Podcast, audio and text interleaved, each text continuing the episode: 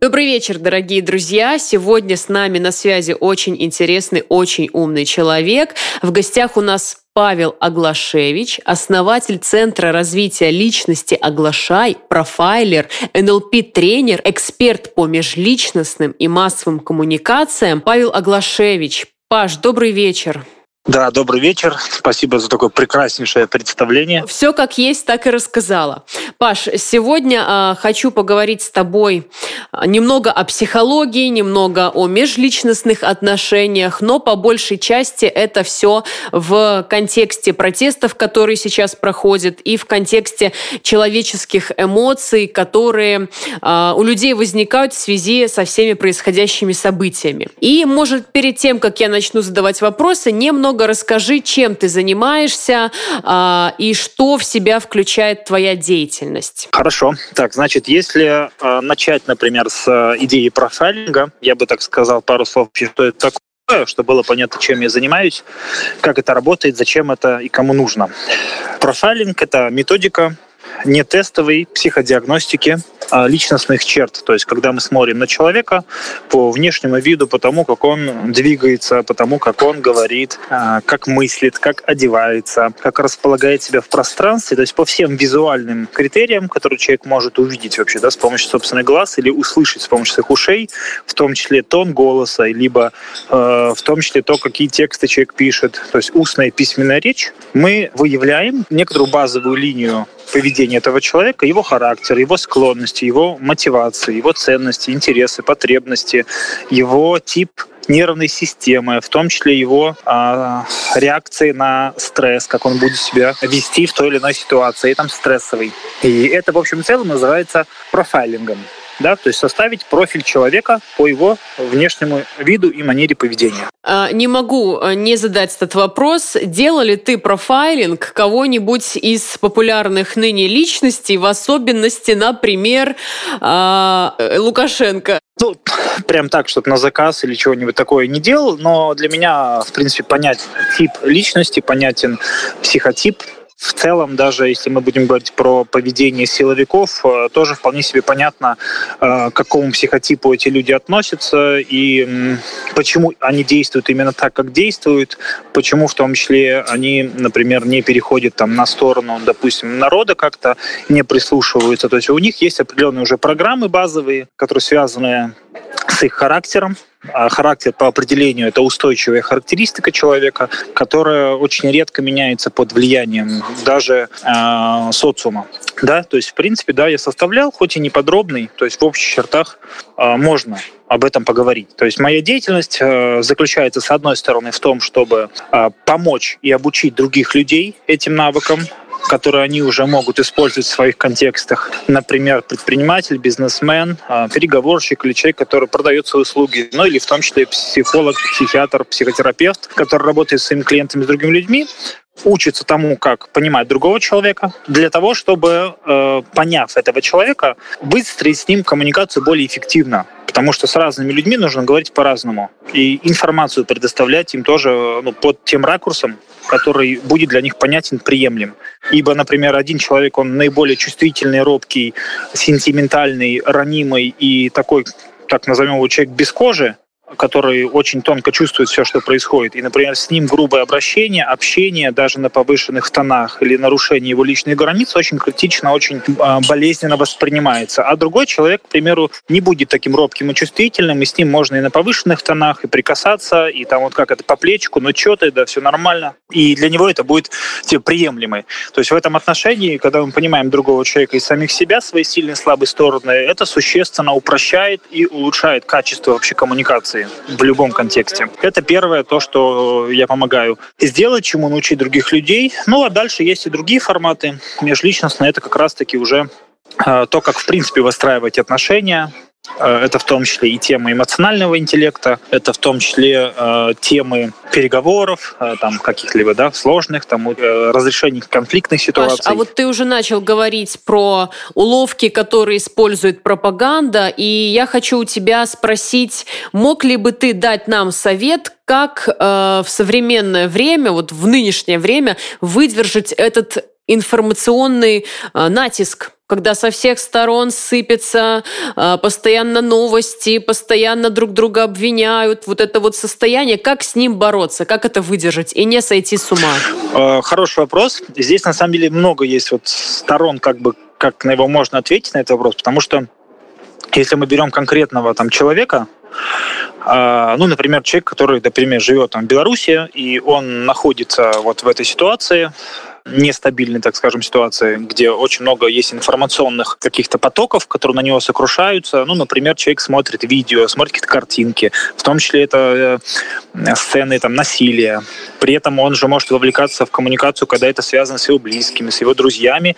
И, конечно, это очень эмоциональная, э, заряженная ситуация, потому что это касается человека, э, и часто это может касаться его напрямую, напрямую может угрожать в том числе его личной безопасности, это может угрожать безопасности его близких, это может какой-то нанести урон и в том числе финансовый, то, конечно, не вовлекаться крайне сложно. Но а, при этом, а, с точки зрения информационных потоков, мне кажется, самое первое, это нужно выбрать для себя те источники информации, которые будут, с одной стороны, ну, авторитетными, и оградить себе количество. То есть, например, человек может себе сказать, вот я, например, смотрю новости только там час в день, и только там с утра Например, когда я отдохнул, когда моя психика устойчивая. Вот. И, например, э, я не подписываюсь, например, если берем там телеграм-каналы, на все телеграм-каналы, а я беру какую-то парочку. То есть, в принципе, сейчас э, практически все телеграм-каналы, они э, транслируют одинаковые новости, которые расходятся, да, то есть они копируют друг у друга и можно выбрать для себя наиболее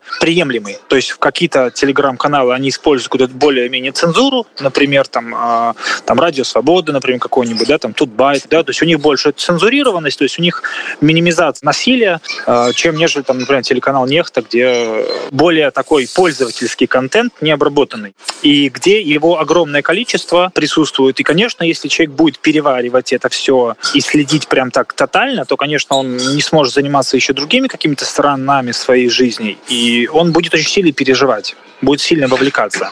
Я просто сам э, знаю по, по себе, особенно когда были события вот 9 августа и вот это всю неделю после этого, я сам был очень тотально вовлечен в всю эту историю и наблюдал, смотрел, и э, я понимаю, что это очень сильно выматывает, это невозможно заниматься ничем другим, кроме вот обдумыванием, отслеживанием того, что происходит. То есть такое тотальное вовлечение, оно психику истощает и в целом, конечно, наносит и психологический такой вред, урон. То есть нужно не забывать о других контекстах своей жизни, что социум и ситуация в целом, конечно, она важна, вот, но тоже не имеет смысла, наверное, и было бы не очень правильно 24 часа на 7 заниматься только этими вещами. То есть это, это, это даже не продуктивно. Я бы сократил, вот резюмируя, сократил бы количество информационных источников, первое, и второе, это сократил бы время пребывания в том или ином информационном источнике. А вот, например, медитации могут в этой ситуации помочь как-то уравновесить баланс эмоциональный? Ну, в целом медитация, она помогает. То есть, если человек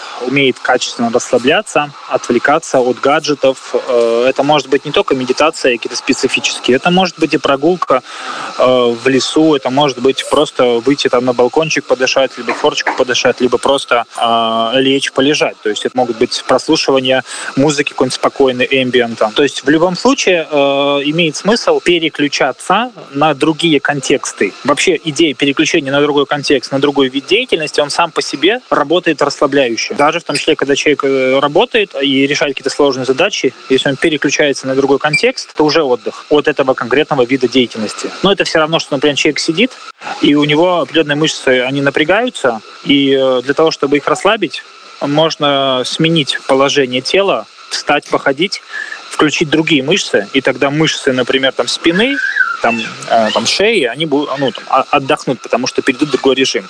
Тоже касается и вот этой всей истории. То есть медитация, да, вполне себе. А, кроме медитации, конечно, нужно еще следить за окружением, потому что еще люди другие могут вполне себе сильно вовлекать в, ну, допустим, политические темы. Здесь тоже возникает как много вопросов, э, что нужно соблюдать, тоже охранять свои личные границы. То есть можно сказать людям, что вот смотри, я э, на эту тему сейчас говорить не намерен и не готов. Если ты хочешь поговорить на эту тему, давай поговорим об этом в конкретно какое-то время. То есть нужно следить за степенью вовлеченности в любой диалог, потому что нас могут втянуть даже непреднамеренно и против нашей воли в коммуникацию. Особенно, видишь, политические темы, они такие затягивающие. Тут хочешь, не хочешь, начинаешь э, с удовольствием и не всегда с удовольствием, но втягиваться в этот разговор. Но вот как мы с тобой уже поговорили про информационный натиск, который происходит вокруг, отсюда я хочу перейти к натиску, который может происходить внутри семьи. Особенно, когда сталкиваются два разных мнения в одной ячейке общества. Вот как в этой ситуации а, сгладить конфликты а, непосредственно в семье, которые возникают на политической почве? Как не рассориться со всеми своими родными? Хороший момент, очень важный, потому что реально он присутствует. Я бы сказал такую э, вот самую главную позицию, которую имеет смысл придерживаться. Точка зрения человека не равно человек. Вот это прям, да, прям черным по белому. Точка зрения человека – это не равно человек. Нельзя судить о человеке только исходя из того, что он придерживается определенной позиции, у него есть определенные убеждения, которые тоже обусловлены его предыдущим опытом, они обусловлены той информацией, которую человек поглощал на протяжении огромного количества времени. Давайте такую вот возьмем бабушка-пенсионерка, которая в своей жизни, в принципе, телефон, смартфон в руках не держала, и ее информация, она имеет односторонний характер э, со стороны, к примеру, э, государственных СМИ. И, конечно, ее убеждения, ее взгляды, они базируются на вот этой конкретной программе. Да? И, в принципе, она в своем права, потому что она ориентируется на этот источник информации, у нее сложились убеждения, у нее заложен фундамент и базис. Спорить с таким человеком не имеет смысла. Почему? Потому что он будет приводить тысячи аргументов, которые исходят из вот этой программы, которую он, и той информации, которую он впитывал. Это первый момент. Есть и другие люди, которые другие источники информации потребляют, у них другая, примерно противоположная точка зрения. То есть нужно понимать, что человек, в принципе, э, и это, кстати, одна из причин конфликтов и ссор, еще со времен античности, еще Сократ об этом говорил, да, что основная причина конфликтов — это не полнота информации. Вот и, к, к сожалению или к счастью, никто из нас не обладает всей полнотой информации вообще. Вот. Но кто-то меньше, кто-то больше, и дальше возникает уже риторика, дальше возникает уже диалектика, дальше возникают всякие там диалоги и полемики. Каждый в силу своего характера, кто-то говорит, любит по существу аргументы принимает, склонен менять свою позицию под э, влиянием новой информации. Кто-то, к примеру, отрицает и включает психологические защиты, использует уловки, разные манипуляции, в том числе и выход из коммуникации, споры, хлопание дверью, там, бить посуду, все, ты мне больше не друг, или все, ты мне больше не мать, а ты мне больше не сын, все, там, расходимся вообще, раз ты поддерживаешь вот это, да. А, то есть нужно тоже, вот как бы это ни было тяжело, нужно тоже иметь в себе силу э, принимать точку зрения другого человека, даже если она расходится с нашей точкой зрения. В целом сейчас ситуация происходит, что происходит деление на как бы вот э, за против, да, вот условно, на два лагеря.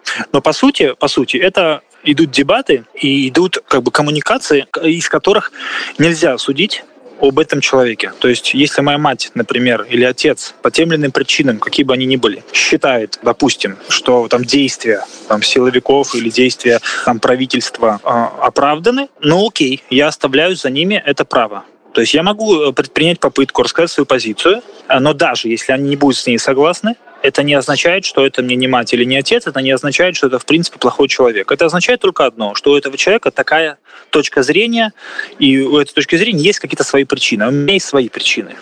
То есть раскол общества происходит, ну, очевидно, но нельзя оценивать человека по вот этим критериям. Такие темы надо просто закрывать, э, табуировать и не обсуждать их, да, в таком случае, в семье. Вот я не говорю, вот я вот не говорю, что это нужно табуировать, потому что любое табуирование темы, это, это называется, как это сказать, это как если чайник кипит, а мы его раз и, зак... и вот не выключаем его, да, а затыкаем ему вот этот носик, откуда пар идет. А, обсуждать нужно обсуждать нужно. Вот. Э, и это важный момент. Но при этом нужно тоже всегда понимать, с кем мы обсуждаем. Если мы знаем, что человек в принципе не склонен к тому, чтобы принимать точку зрения, он в принципе находится в позиции спора, и он не готов э, в принципе да, как-то рационально мыслить, то смысла от этих бесед как бы нету нету смысла, это трата времени. То есть мы, если мы не можем повлиять на другого человека, или если э, под э, натиском опять этой темы возникает угроза наших межличностных отношений, то надо расставлять тоже приоритет. Что нам важнее? Доказать свою правду которая, по сути, ничего не изменит в рамках этой семьи, а, либо, опять-таки, сохранить отношения. Либо сохранить отношения. То есть э, от того, что, например, будет там моя мать или бабушка старая, там, да, пенсионерка знать, и э, какая в этом цель? То есть переубедите, чтобы что? Чтобы она э, на митинг пошла? Ну вот в этом как бы штука. В чем цель? В чем цель переубеждений? В чем цель конфликта внутри семьи? Если, если такой нет цели, смысла нету. А вот раз мы уже находимся э, в разговоре о семье, то если в семье кто-то подвергся вот какому-то э, насилию или давлению от э, силовиков, попал под дубинки на протестах, э, не знаю, просто увидел насилие на улице, как этому человеку можно помочь самостоятельно? Вот внутри внутри своей семьи? Как, каким образом?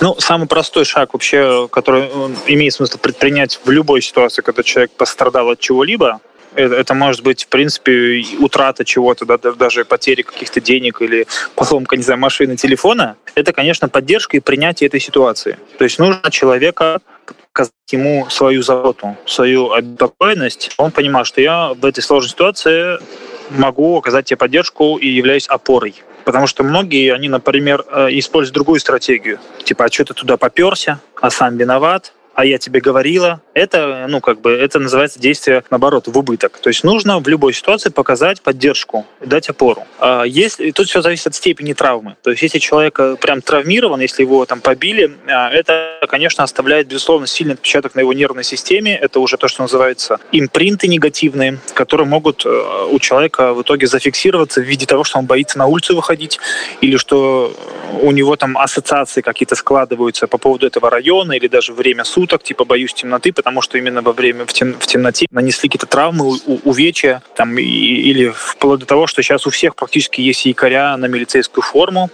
якоря, которые вызывают негативные реакции. Э, не потому, что все, кто в милицейской форме, плохие. То есть это тоже нельзя говорить. Или что все ОМОНовцы плохие. То есть, да, или, ну, мы не можем обобщать так крупно. Хотя это очень хочется сделать. И, как правило, так мышление делает. Просто наш мозг устроен так, чтобы ему выжить, ему нужно э, быстро учиться. И часто он использует один, два, три примера, для того, чтобы обобщить. Вот могу пример самый банальный привести. То есть вот ребенок, к примеру, он научился поднимать, не знаю, крышку унитаза. Или ребенок научился открывать, а, не знаю, газовую плиту, допустим.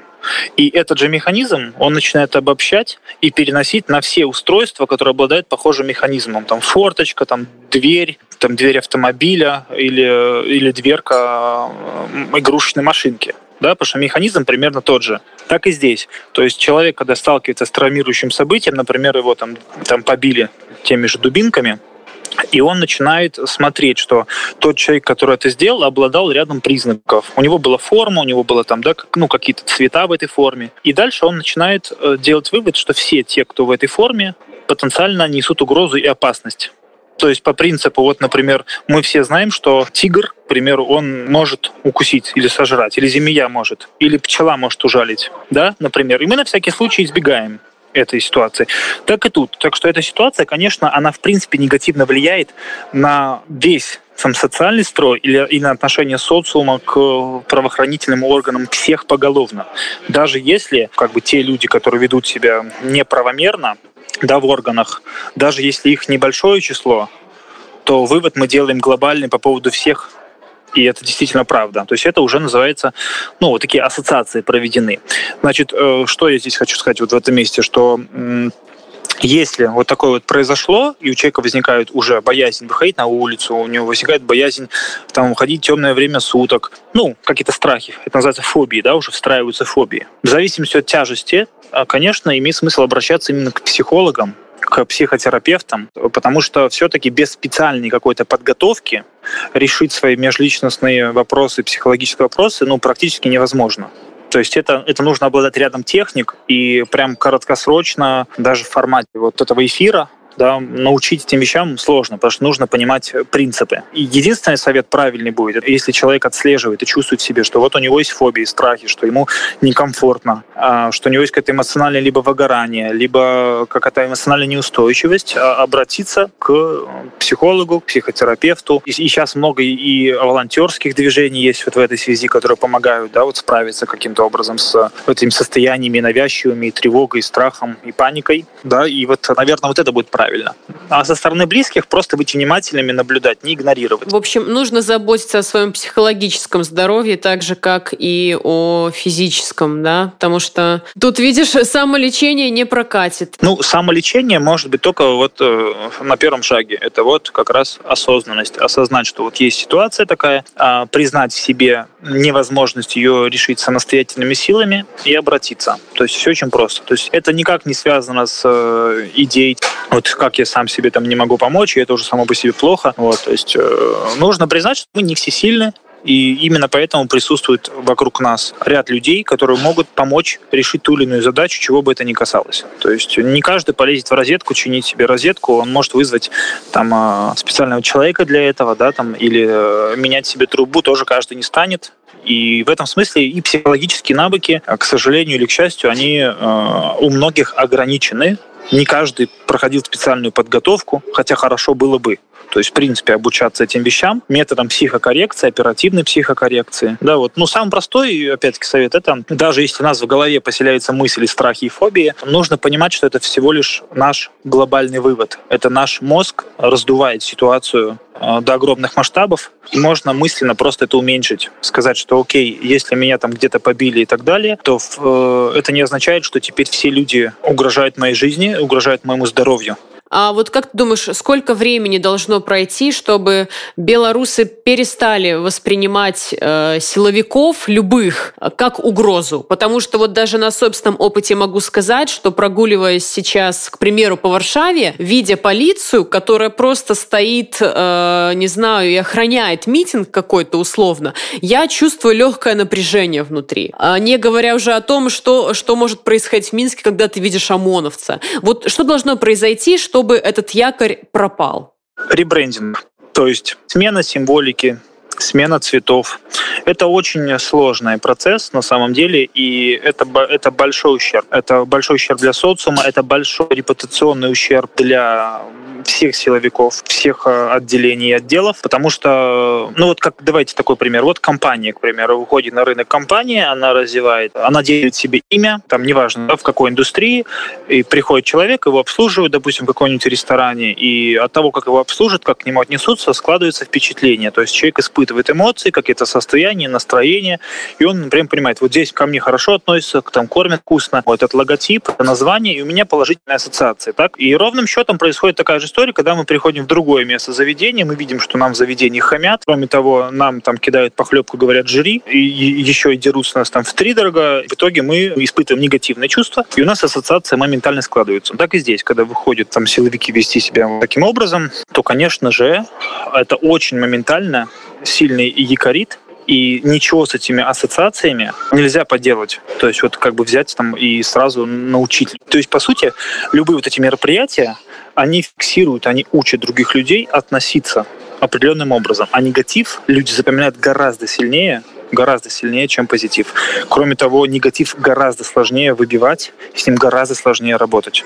Потому что негатив и страх — это, по сути, эмоция, выживания. Это эмоция, которая самая древняя, самая, наверное, первая эмоция, которая появилась у человека. И с этим работать гораздо сложнее. Поэтому вот если так ответить на вопрос, вот если просто, что нужно сделать, чтобы эти ассоциации ушли, чтобы мы перестали воспринимать там армию силовиков, там правоохранительные органы вот именно негативно, ну, во-первых, это действие. То есть они должны показать действиями дружелюбность. Должна быть сенсорика. Как показать действиями дружелюбность, свое отношение, свою поддержку, свое несогласие да, то есть должны быть действия, чтобы люди видели, что вот действительно есть те, которые э, действуют доброжелательно. Мы же не можем сказать, что там собака какая-нибудь доброжелательная, если она нас рычит, у нее слюни текут и она кусается. Ну не можем мы такого сделать. Но если она виляет хвостиком, если она как-то там, да, там высовывает язык и как-то вот лащится, то у нас отношение меняется, и мы тоже начинаем реагировать иначе. То есть как бы если враждебность и гнев, то на враждебность и гнев возникает э, враждебность и гнев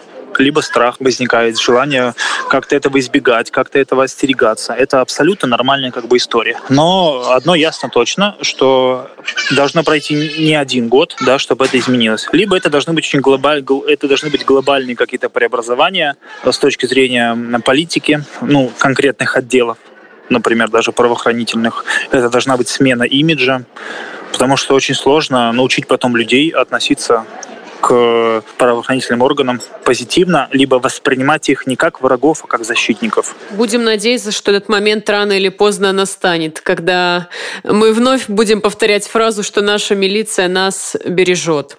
Ну и в завершении нашей беседы у меня вот три таких э, небольших блиц вопроса. И первый вопрос для наших слушателей. Посоветуй вот э, какой-нибудь коротенький лайфхак для самостоятельной психологической перезагрузки. Э, самый простой – это отдых. Это минимизация информационных источников, да, как говорил. То есть это э, откладываем телефоны, там смартфоны, планшеты, ноутбуки. Это, это природа, это время с там, с семьей, с близкими, с людьми, которые могут давать позитивный какой-то опыт. То есть это очень хорошо разгружает. Это занятие каким-то хобби. То есть иногда даже полезно просто порисовать, иногда полезно просто послушать музыку, принять душ, например, но сосредоточиться на принятии душа или ванн, обратить внимание на свое тело, на состояние своего организма, вылезти из своей собственной головы, перестать э, переваривать информацию, рассуждать, мыслить, слишком много обдумывать э, и просто сосредоточить внимание на своем теле, теле,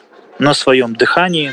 Если там не просто получается, можно и в бесплатном доступе найти даже медитативные всякие записи, где есть голосовое сопровождение, либо музыка. То есть вот такой как бы формат. Это самый простой способ отдохнуть. А и организму это очень надо. Если мы умеем отдыхать, переключаться, тогда мы набираемся сил, восполняем свои ресурсы, и тогда мы более эффективны как раз-таки в своей работе, и даже в отношениях. То есть потому что человеку любому нужна психологическая перезагрузка, разгрузка.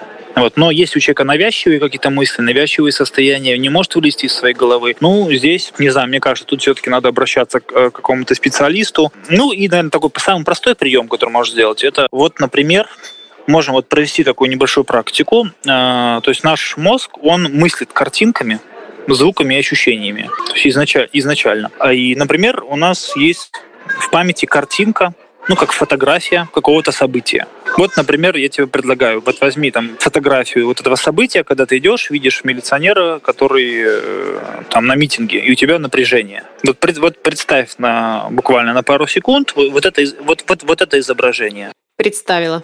А теперь вот обрати внимание, в каком месте это изображение находится, вот в пространстве, если, да, то есть оно слишком, оно близко к тебе находится, либо далеко. Ты, э, оно там вверху, внизу, там слева, справа. Ну, оно достаточно далеко и по центру. И по центру. Окей, там есть цвета какие-то? А это цветная картинка, но достаточно блеклая, не яркие цвета. Окей, хорошо. А теперь э, я прошу тебя представить какую-то картинку, какой-то другой опыт, который у тебя, ну, или нейтральный, либо, ну, просто спокойно. Ну, вот я на работе сижу, например, подойдет? Ну вот на работе, например, находишься и просто представь, как будто ты сидишь на работе и кого ты видишь, и у тебя нейтральные какие-то. Угу. Так, представила. Вот. И тоже обрати, об, обрати внимание, как эта картинка располагается. То есть она близко, она далеко и каких цветов? А, она близко, прям вот как будто я сама в этой картинке. И она обычных цветов, такие же, как и в жизни. Ага, ага, хорошо. А теперь вот вернемся к картинке про вот этот митинг милиционера вот этого. И вот попробуй так. придать этой картинке те же характеристики, что как будто бы на работе. Покрасить в другой цвет. Так, но знаешь, я все равно при этом испытываю какие-то э, тревожные чувства, потому что я себя прям представляю в этой картинке, что я вот нахожусь рядом с этим ОМОНовцем. Чуть-чуть, вот, а теперь возьми чуть-чуть отодвинь ее дальше. Ага, так, уже лучше. Вот дальше отодвинь дальше. И, э, например, покрась вот его в другой цвет. Пускай он будет желтый, Да, уже гораздо лучше. Вот, желтый ОМОНовец, и, например, что пускай у него будет там смайлик, например, на его там этой шлеме или там его балаклаве. Там. И вместо дубинки букет цветов. Ну, или, или букет цветов, да, либо шарик. Знаешь, как клоуны делают шарики вот такие. Ну, вот, например, вот это простые действия, которые может, в принципе, сделать каждый человек. Единственный момент от силы, тяжести и травмы, конечно же, э, эти образы могут там, ну, могут возникать протесты, типа вот не хочу его красить, например, либо там еще всплывают образы. Поэтому здесь нужна э, уже психологическая помощь, потому что этих образов в нашем бессознательном, в нашем мозге может быть огромное количество. Они просто будут как-то всплывать. И, соответственно, чтобы э, нормализовать состояние, нужно, чтобы наши образы и наши мысли внутри нас самих, соответственно, были э, более позитивными, более, ну, менее эмоционально заряженными, то есть именно это, ну, можно назвать экология разума. Э, Все-таки свой разум хранить в экологичном состоянии сохранять.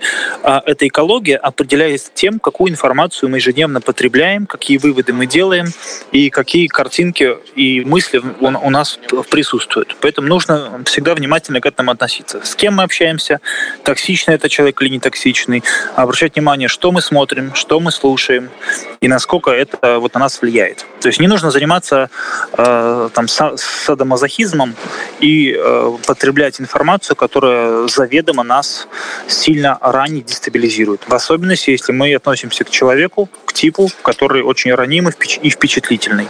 Следующий мой вопрос, э, предпоследний. Какой ты видишь Беларусь будущего? Интересный вопрос. Эм, ну, честно говоря, я ее вижу, Беларусь будущего, я вижу, а, ну, первый параметр – это народ, и в целом государство, в целом правительство, которое э, открыто к новому опыту к новому опыту. Это означает умение воспринимать э, новую информацию, умение слушать э, мнение, точку зрения народа, конкретного частного человека.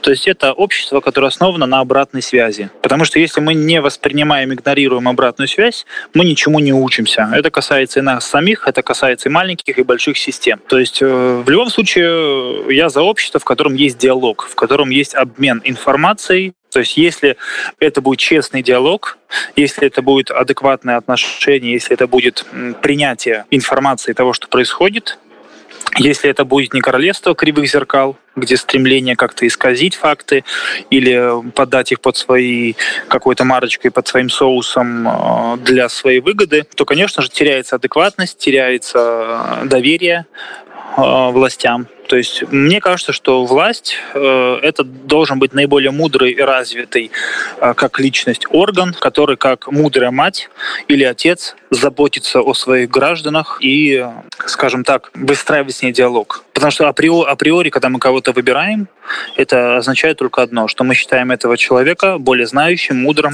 компетентным, э, человек, который э, будет руководить всем то, что происходит. Вот поэтому я, я вот за вот такое вот будущее. Ну и, конечно, за прогресс, э, за э, развитие и разных отраслей, и экономических, и социальных, и образовательных отраслей, потому что я считаю, что у белорусов есть огромный большой шанс э, стать таким значимым государством в глобальном смысле. У нас есть для этого потенциал, есть для этого очень много умных людей, образованных людей, трудолюбивых, э, терпеливых людей, э, людей, которые готовы выполнять свою работу добросовестно. Вот, поэтому сейчас просто идет перелом, он естественный перелом, исторический перелом, э, связан он с тем, что уже выросло огромное большое поколение людей молодых, которые, конечно же, ориентированы на новое, на развитие, на обновление, но при этом есть и старое поколение, которое относится к традиционалистам, к традиционному обществу, которое стремится сохранить все вот в первозданном каком-то былом виде. Но, к сожалению, исторически природно так не работает. Да, то есть я бы так сказал, да, вот цитатой цитатой и завершил мудреца, все течет, все меняется. Мир и жизнь – это процесс. И зафиксировать процесс нельзя. Замечательные слова, Паш. И последний мой вопрос. Оказавшись перед Лукашенко, что бы ты ему сказал? Что бы я ему сказал? Хороший такой вопрос. Что бы я сказал? Вот я сейчас прям даже представлю. Просто зная тип, э, психотип, э, очень сложно что-то что сказать такое прям, чтобы это... Я бы сказал, что мне жаль.